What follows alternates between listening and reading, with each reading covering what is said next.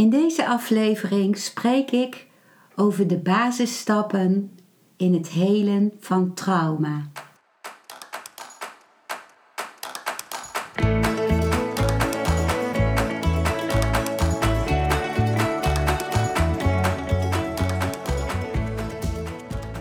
Welkom bij een nieuwe aflevering van Modita's podcast Van Pijn naar Zijn. De podcast waarin ik je meeneem voorbij de pijn in je leven naar wie je diep van binnen bent. Hoe kun je beter omgaan met je gevoelens? Hoe vind je rust in je hoofd? Wat zit er precies achter je pijn? En vooral, hoe kun je steeds meer jezelf zijn? Adem eens diep in en uit. Ik wens je veel luisterplezier.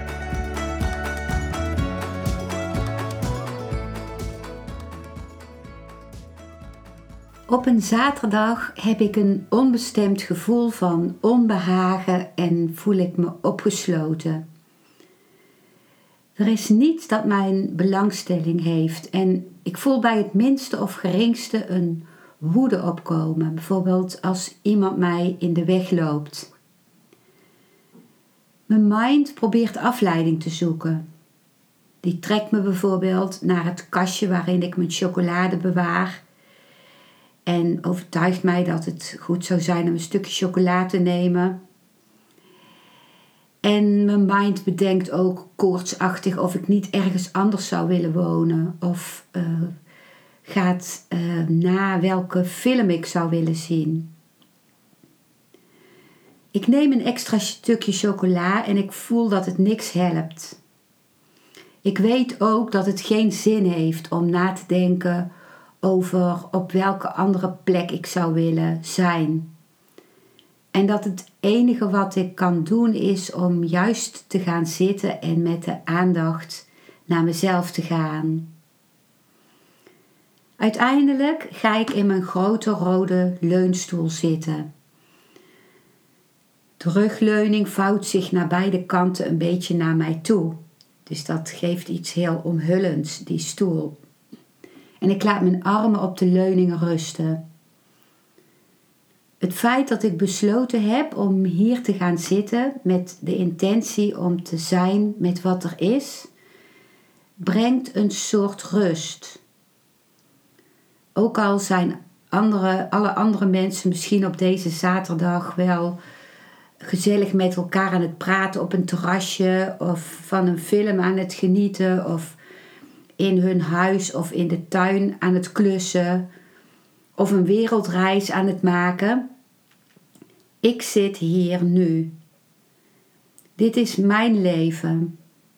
Precies in deze stoel. Daar waar mijn lichaam is. Na het starten van de Somatic Experiencing opleiding dat is een trauma-helingsopleiding van drie jaar. Die, ik in, eh, die ben ik in mei 2022 gestart. Heb ik zoveel gelezen over trauma. En ik heb ook geoefend met traumawerk met mijn studiegenoten. Maar ik voel dat het belangrijkste is om de basisstappen waar ik het in deze aflevering over heb, de basisstappen die ik nu al geleerd heb, dagelijks te oefenen in mezelf en met mezelf.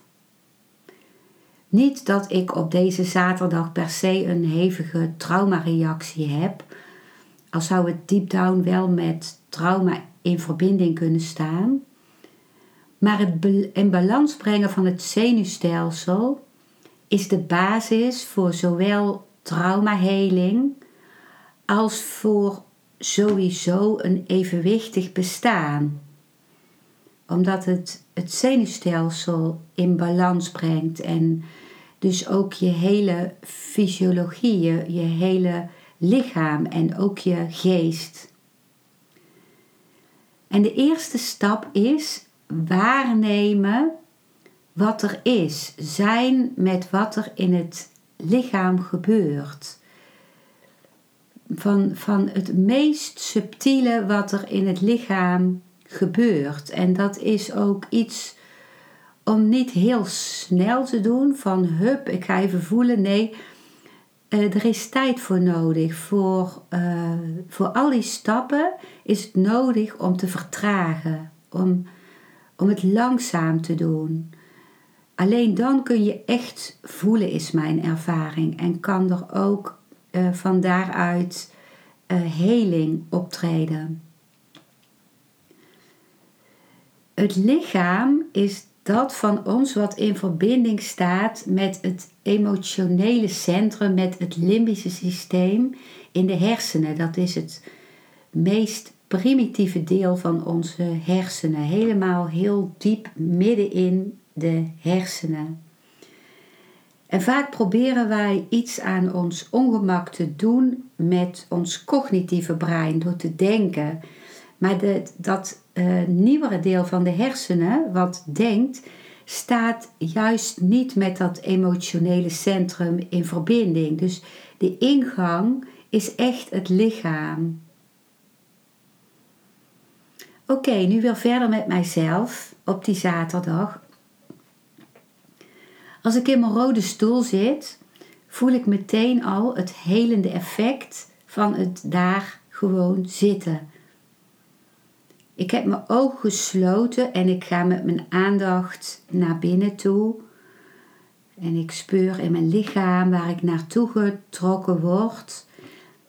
En ik voel een stekende pijn onder de onderste ribben aan de rechterkant van mijn borstkas. Dat is het gebied van het middenrif ook.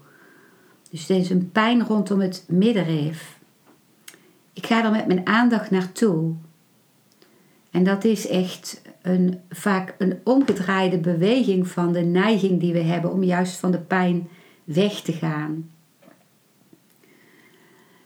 Ik voel meteen hoe helend het is om er juist met mijn aandacht naartoe te gaan. En ik probeer te voelen hoe deze pijn voelt, waar die precies zit en uh, hoe die eruit ziet. Dat is misschien raar om dan over zien te spreken, maar uh, het is een soort kijken met je innerlijke oog. En in mijn beleving is het een soort schildvormige gebogen sikkel met scherpe punten aan beide kanten en die een beetje heen en weer beweegt tot voorbij de punten van de sikkel. En onder die fellere pijnsikkel zit nog een kleiner pijnsikkeltje, voel ik als ik langer speur. Als ik er met mijn aandacht naartoe ga, wordt de pijnsikkel scherper en de pijn wordt iets heftiger. Ook al is het geen hele erge pijn, ik voel hem eigenlijk pas als ik op die stoel ben gaan zitten. De plek voelt zich blijkbaar gehoord, want hij laat zich nu nog meer horen. Ik vraag mezelf af wat er nog meer gebeurt in mijn lichaam als ik me op deze pijnsikkel richt. Ik voel mijn rechterschouder aanspannen en mijn rechterbil wat samentrekken, alsof hij mijn rechterbeen richting mijn romp wil trekken. In feite krimpt mijn hele rechterhelft van mijn lichaam wat samen. Ik herinner me dan hoe hard ik een half jaar geleden op de ribben van mijn rechterborstkas ben gevallen. En dat ik me een maand lang bijna niet kon bewegen. En het lijkt nu alsof mijn hele rechter lichaamshelft zich rondom die pijn die ik toen zo hard geraakt heb op een scherpe metalen richel van mijn balkondeur of die zich samentrekt.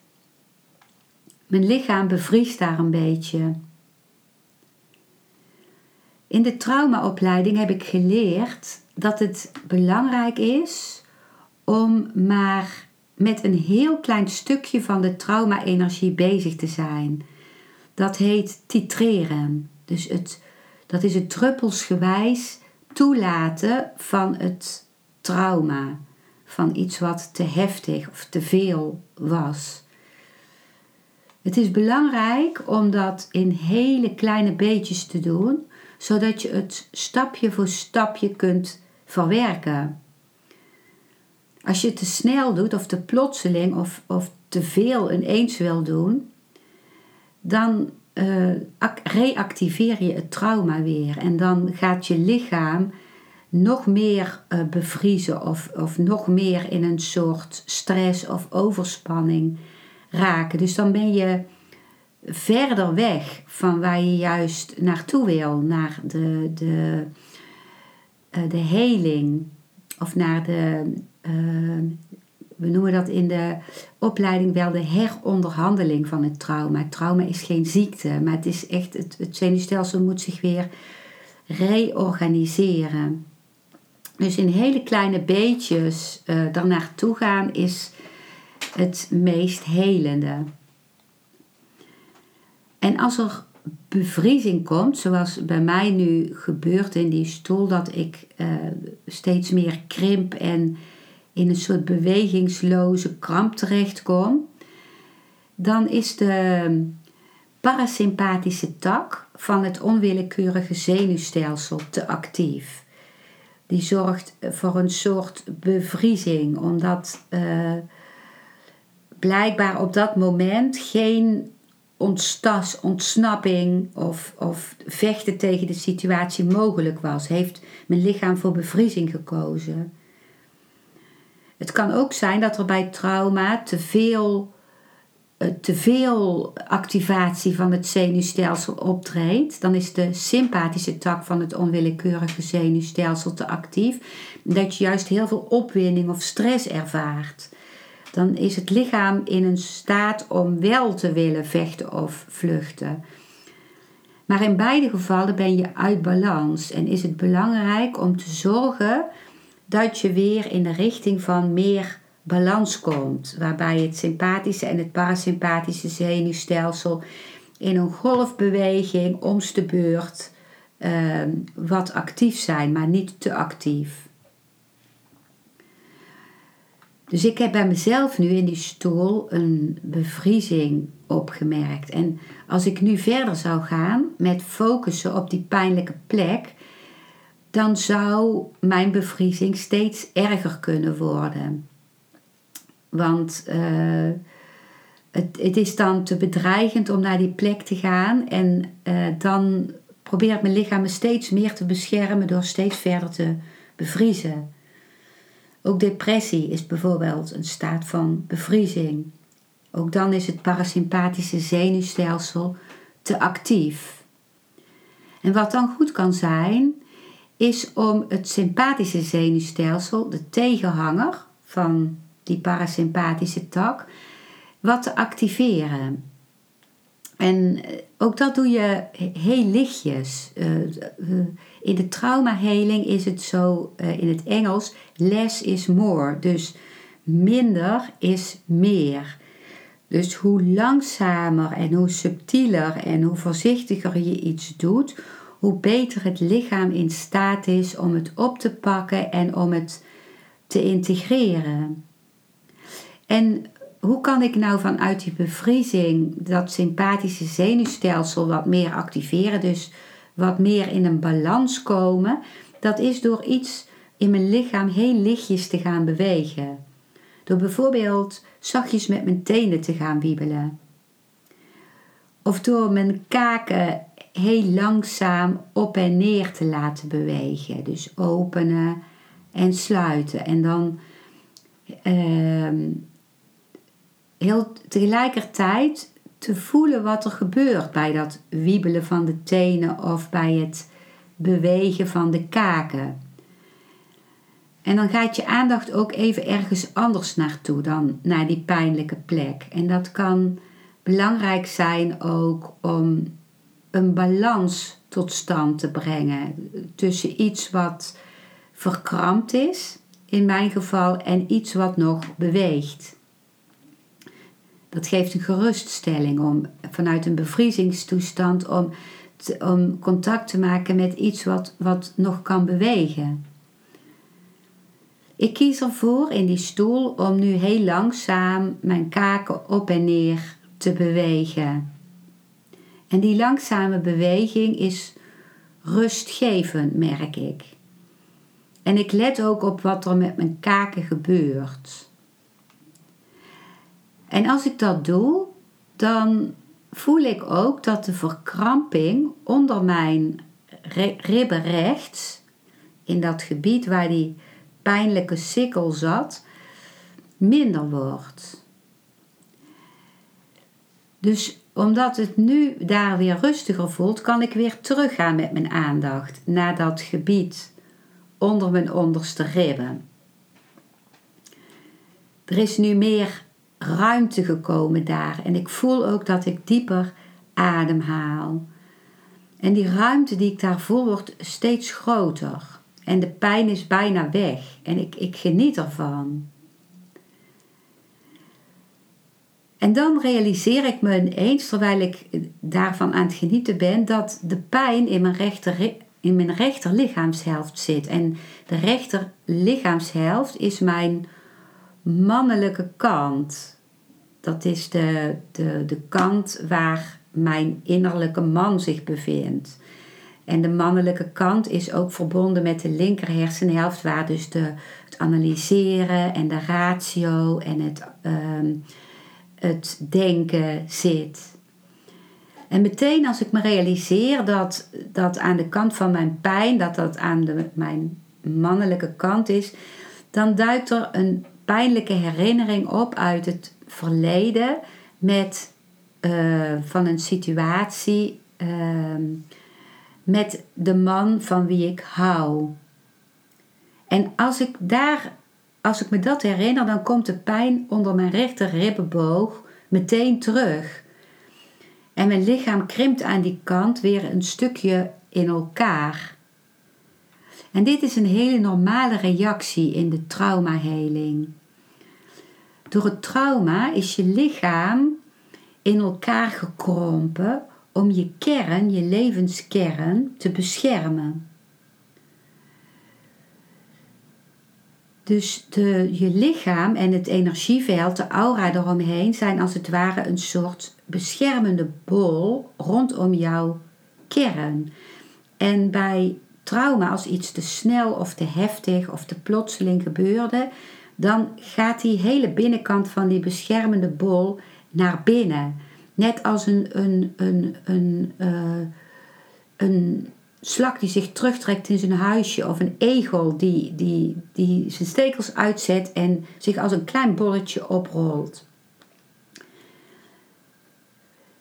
En als je dan geleidelijk kunt gaan ontspannen, zoals bij mij gebeurde, omdat ik contact maakte met een ander gebied in mijn lichaam en daar de beweging voelde, in dit geval in mijn kaak, dan kan die omtrek van die bol zich weer wat ontspannen en wordt die groter. Dus die, die, die, die wordt wat ruimer. Maar eh, wij denken vaak heel veel ontspanning is heel goed, maar ontspanning kan te veel voelen. Dus als die, die bol te ver uit elkaar is gegaan, die ontspanning te veel is geworden, dan kan je ineens ook bang worden. Dan kan het net te veel ontspanning voor je zijn, waardoor je het gevoel hebt dat de bescherming veel te ver weg is. En dan krimpt die bol weer een stukje in elkaar. Maar niet weer net zo ver als dat het was toen je begon, maar net een klein stukje minder. En dan gaan we weer iets doen waar, waardoor die bol zich wat verder kan openen. En dan gaat hij weer net iets verder open als de keer daarvoor. En heeft het daarna waarschijnlijk weer nodig om weer een stukje in te krimpen. Dus Inkrimpen is niet per definitie een, een terugval. Dus bij mij was het zo dat toen die mijn bol groter werd, toen ik ging ontspannen, kwam er ook ineens een herinnering uh, naar boven, die ook te maken had met dat gebied daar bij mijn ribben. Die weer een pijn die daaronder verborgen zat naar boven haalde, waardoor ik weer wat uh, inkromp maar minder dan voordat ik met die kaken bewogen had en met mijn aandacht had gegeven aan dat gebied.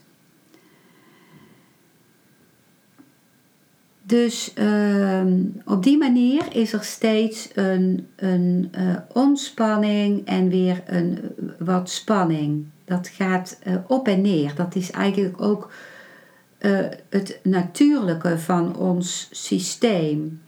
Dat zie je ook onze meest primitiefste staat, waar we, waar we uit ontstaan zijn, is dat van de ameuben, van de eencellige. Toen, toen de eicel de zaadcel net bevrucht had, waar, waar je door ontstaan bent, was je nog maar één cel. En die bewoog zich al zo van, van uh, uh, wat uitstulpen en wat weer wat naar binnen gaan. Dus dat is een hele natuurlijke staat. Maar bij mij is dus weer de pijn teruggekomen eh, terwijl ik in die rode stoel zit. En ik besluit nu om contact te maken met een hulpbron.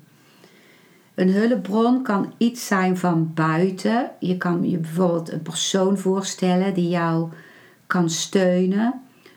Of je kijkt, je doet je ogen open en je kijkt naar een mooie boom die je ziet uit het raam. Of iets fijns in je kamer waar je, waar je het fijn van vindt om naar te kijken. Of een hulpbron kan ook iets inwendig zijn. Bijvoorbeeld een, een plek in je lichaam die wel fijn aanvoelt. Of een, uh, het je herinneren van een mooi meditatief moment. Ik besluit op dat moment om een veilige plek te zoeken in mijn lichaam. En dat is mijn linkerbovenbeen. Dat voelt heel rustig en kalm en stabiel en ik voel ook dat in dat bovenbeen heel veel ruimte is. En meteen als ik daar contact mee maak, merk ik dat ik dieper ademhaal. Mijn adem, inademing gaat heel diep en mijn uitademing is heel bevrijdend. En ik maak ook nog contact met een andere hulpbron in mij, dat is eh, mijn hara-punt. Dus een paar uh, vingers breed onder de navel in het midden van mijn romp, van mijn onderlichaam. En dat is een punt waar ik ook met mijn aandacht vaak naartoe ga tijdens mijn meditatie. Daar is dan heel veel licht en ruimte. En als ik daar contact mee maak, dan ga ik nog dieper ademhalen. Wat ook uh, kostbaar is uh, en wat je voor de traumaheling kunt gebruiken, is om te voelen of er een kleine beweging is in het lichaam. Dat kan zijn in die pijnlijke of gespannen plek of op een andere plek in je lichaam. Een, of er iets is in het lichaam wat wil bewegen. En dat is iets waar je heel voorzichtig uh, en heel subtiel naar op zoek kan gaan. Is er ergens iets wat van binnenuit wil bewegen? En dan is het ook weer belangrijk dat, dat je dat dan gaat vervolgen, maar heel langzaam. Dus misschien denk je wel van, oh, mijn been wil een schopbeweging maken en dan ga je ineens schoppen. Maar dat, dat is niet eh, waar het helende moment zit. Als je al die schopbeweging voelt, dan ga je dat heel langzaam uitvoeren. En dan voel je van binnenuit wat dat doet. Dus je volgt wat er spontaan wil ontstaan. Vanuit een luisteren, vanuit een, een uh, heel nauwkeurig waarnemen. Uh, zonder daar veel spanning op te leggen, juist niet. Dus je, je doet dat vanuit een, een uh, meer een nieuwsgierige houding. En wat ik voel, eigenlijk ook wat tot mijn verbazing, als ik dat uh, kijk, waar is, waar is iets in mij wat wil bewegen, dan voel ik dat mijn linkerarm in beweging komt en dat mijn linkerhand zich neerlegt op de ribben, op mijn rechter ribben, waaronder die pijnlijke sikkel zit. En dat is een heel fijn beschermend gebaar. Het, het voelt als heel ehm, bemoedigend dat mijn linker uh, lichaamshelft mijn rechter uh, lichaamshelft beschermt. En het voelt zo helend voor mijn rechter ribbenboog.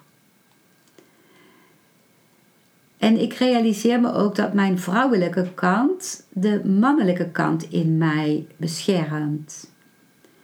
En ik voel dan ook hoe fragiel mijn rechter lichaamshelft voelt. Je denkt misschien bij een innerlijke man meteen uh, dat je een plaatje kunt maken van dat hij heel sterk moet zijn. Heel, maar sterk heeft niks te maken met uh, spierkracht of uh, resoluut zijn. Het kan ook juist het, uh, het subtiele en het kwetsbare kan juist kracht en sterkte zijn.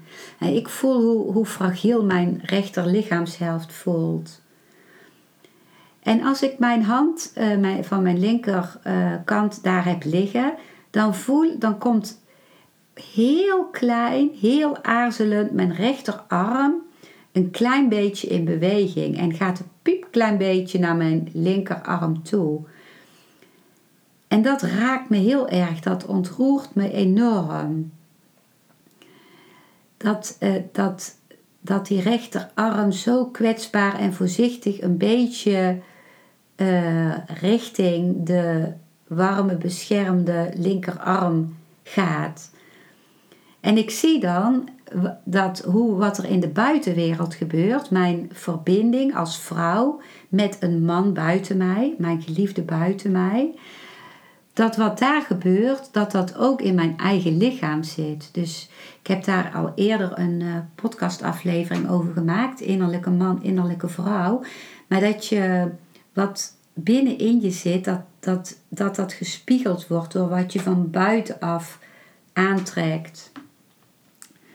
Dus uiteindelijk weerspiegelt mijn uiterlijke man mijn innerlijke man en andersom. Mijn innerlijke man is heel subtiel, heel gevoelig. En mijn linkerarm wil dan meteen de rechterarm aanraken. Dat is denk ik ook wel iets wat ik met mijn uiterlijke man deed. Dat ik dan uh, van alles van hem wilde of voor wilde stellen of voor hem wilde doen. En dat is juist waardoor die uiterlijke man, maar ook mijn innerlijke man zich weer terugtrekt. Want dat voelt veel te snel en dat is dus ook geen echt contact. Dat is geen echt uh, aftasten of ontmoeten. Dat is eerder een moeten dan een ontmoeten. Dus hoe mooi is het dat ze een heel klein beetje naar elkaar toe komen. En dan de afstand die nodig is onderzoeken. Dus dat, dat die rechterarm zoekt, oh tot, tot hoe ver wil ik gaan, wat voelt nog fijn. En dat die linkerhand voelt, tot hoe ver kan ik gaan. Uh, is, ja, wat is nog goed? En uh, dan voel ik dat die linkerkant ook eigenlijk veel kwetsbaarder is als ze denkt. Dus dat hij ook nodig heeft om te onderzoeken en uh, zichzelf te respecteren. En dat brengt een hele subtiele, maar belangrijke beweging in mij tot stand. En mijn tranen gaan stromen van ontroering. En uh, ik had nooit gedacht dat op deze zaterdag, die, die zo saai leek en waar, waar gewoon niks meer leek te boeien en uh, waar ik gewoon van weg wilde rennen, dat hij dit kon brengen toen ik er echt gewoon voor ging zitten. Ik blijf een hele tijd zitten in mijn rode stoel. Ik wil de tijd geven aan mijn lichaam en geest om alles te integreren. En ik weet dat daar hierna nog veel meer tijd voor nodig zal zijn. En als ik dan opsta om bamboekoffie te gaan maken, dan is er een hele fijne trilling in mijn armen. En ik ben er dankbaar voor. Het is een ontlading van het zenuwstelsel. En ik laat het toe en ontvang het. De energie van mijn zenuwstelsel heeft nu de kans om naar buiten te komen, om afgevoerd te worden. En ik voel dat ik nu ook weer met een frisse blik om me heen kan kijken. Mijn huis ziet er nu levendig uit, met de mooie kleuren van de gele muren en de fleurige mandala's aan de wand die ik zelf gemaakt heb. En ik zie de groene bomen buiten wuiven, ook heel levendig. En omdat mijn zenuwstelsel uh, nu meer in balans is, kan ik dus ook mijn buitenwereld weer zien? Kan ik me daarin oriënteren? Is er weer ruimte voor nieuwsgierigheid? Mijn energie hoeft niet meer vast te zitten bij mijn rechter ribben, maar die kan zich weer bewegen in een lichte dansende loop van mijn benen naar mijn keukentje om die bamboekoffie te maken en het sierlijke gebaar van mijn handen die de bamboekoffie maken. Dus ik, ik zeg iets van dansend en sierlijk, dat is ook mijn ervaring. Dat als het zenuwstelsel in balans is, dat, dat dan het hele houterige en schokkerige en stijve eruit is. Maar dat er weer sierlijkheid, een soort creativiteit ontstaat in het lichaam. Dit waren de stappen in traumaheling die ik in deze aflevering wilde benoemen. Dus nog even samenvattend: het focussen op de plek in het lichaam waar je naartoe getrokken wordt. Het titreren, dat wil zeggen maar een klein deeltje van deze energie beroeren. Een lichte beweging maken als je bevroren bent. Hulpbronnen inschakelen van buitenaf dat kan ook door het je voor te stellen dat het van buitenaf komt. Of van binnen, bijvoorbeeld door naar een fijne plek toe te gaan in je lichaam. Het pendelen, het op en neer gaan tussen het gebied waar het vervelend voelt en het gebied waar je je fijn voelt, veilig voelt in je lichaam.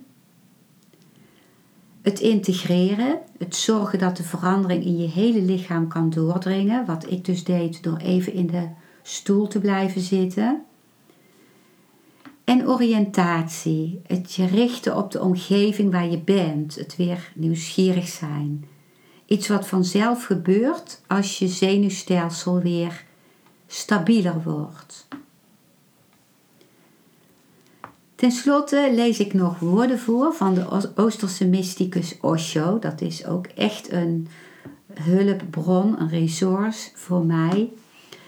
Uit het boek uh, Osho Body Mind Balancing. Dus hier komen de woorden van Osho. Volg het lichaam. Tracht nooit het lichaam op een of andere manier te overheersen. Het lichaam is je grondslag. Heb je eenmaal een begin gemaakt met het begrijpen van je lichaam, dan verdwijnt eenvoudigweg 99% van je ellende. Maar je luistert niet.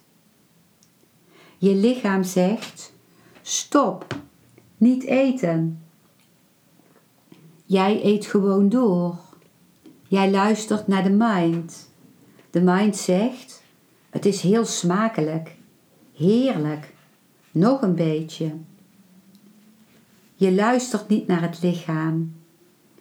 Het lichaam heeft een gevoel van misselijkheid.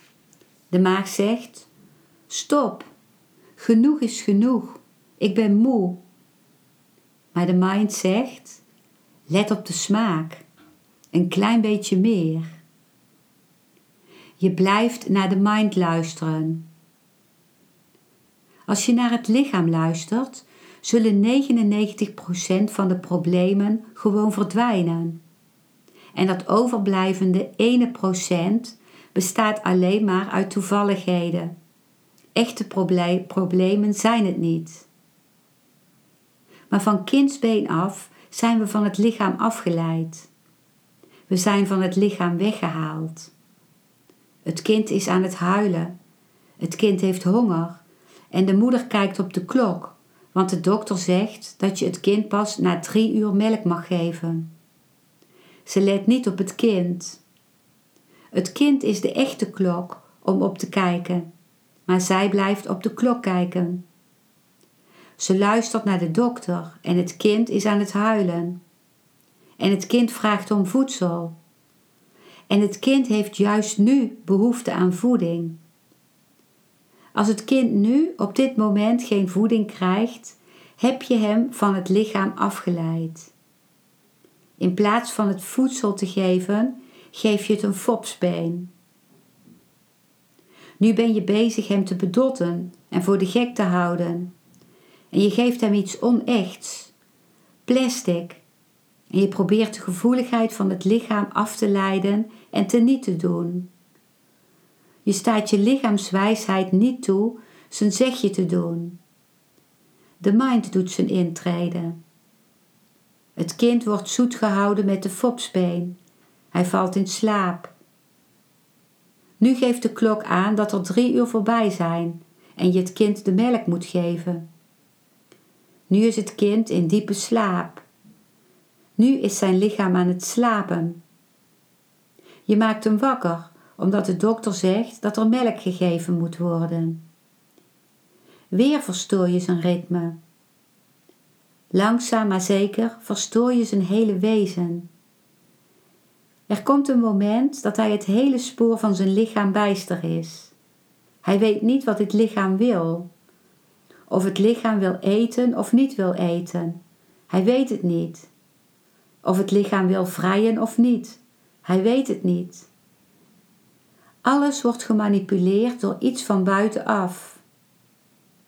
Hij kijkt naar een tijdschrift van Playboy en heeft zin om te vrijen. Nou, dit is idioot. Dit is denkwerk. De vrijpartij kan niet erg geweldig zijn. Het is niet meer dan een keertje niezen, verder niets. Een ontlading. Het heeft niets met liefde uit te staan.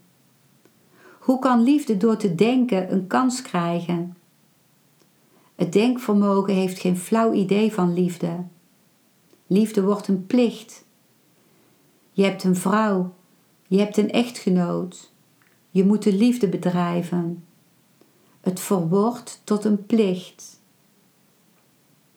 Plichtsgetrouw, trouw aan de godsdienst, bedrijf je de liefde, elke nacht. Zo is er geen spontaniteit meer bij. En dan ben je bezorgd omdat je het gevoel begint te krijgen dat je niet voldoet. Dan ga je naar een andere vrouw uitkijken. Het is logisch dat je begint te denken: misschien is dit niet de juiste vrouw voor mij. Misschien is ze niet mijn zielsverwante. Misschien is ze niet voor mij gemaakt. Ik ben niet voor haar in de wieg gelegd, want zij maakt niet dat ik opgewonden raak. De vrouw vormt het probleem niet. De man is evenmin het probleem. Jij bent niet in het lichaam, zij is niet in het lichaam. Als de mensen in hun lichaam zouden zijn, zou aan niemand dat prachtige, wat orgasme heet, ontgaan. Als de mensen in hun lichaam waren, zouden ze de eerste flitsjes van het goddelijke leren kennen door hun orgastische ervaringen. Luister naar je lichaam. Volg het lichaam. Het denken is dwaas. Het lichaam is wijs. En als je het lichaam diep bent ingegaan, vind je in die diepten zelf je ziel.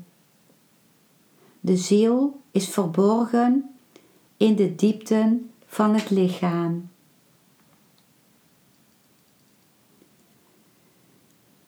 Dat waren de woorden van Osho. Als hetgeen ik hier gedeeld heb jou aanspreekt, dan wens ik je heel veel goeds bij het toepassen van deze stappen. Dankjewel voor het luisteren naar deze aflevering. Ik hoop dat hij je een nieuw inzicht of perspectief heeft gegeven. Ik hou van interactie, dus als je iets wilt delen, Stuur me dan een mailtje op info.genietenvanmeditatie.nl. Ik geef je dan altijd antwoord. Ik wens jou dat je vreugde in het dagelijks leven zult ervaren en innerlijke rust. En dat je steeds meer je pijn zult kunnen omvormen in zijn. Je kunt de afleveringen van deze podcast volgen via Spotify, Google Podcast Apple Podcast en Podbean door op de volg- of abonneerknop te klikken. Als je luistert via de Apple Podcast, dat kan alleen als je een iPhone hebt, heb je een extra voordeel. Omdat als je op de knop abonneren klikt, je steeds een berichtje op je mobiele telefoon ontvangt als er weer een volgende aflevering van mijn podcast verschijnt. Je bent van harte welkom bij die volgende aflevering.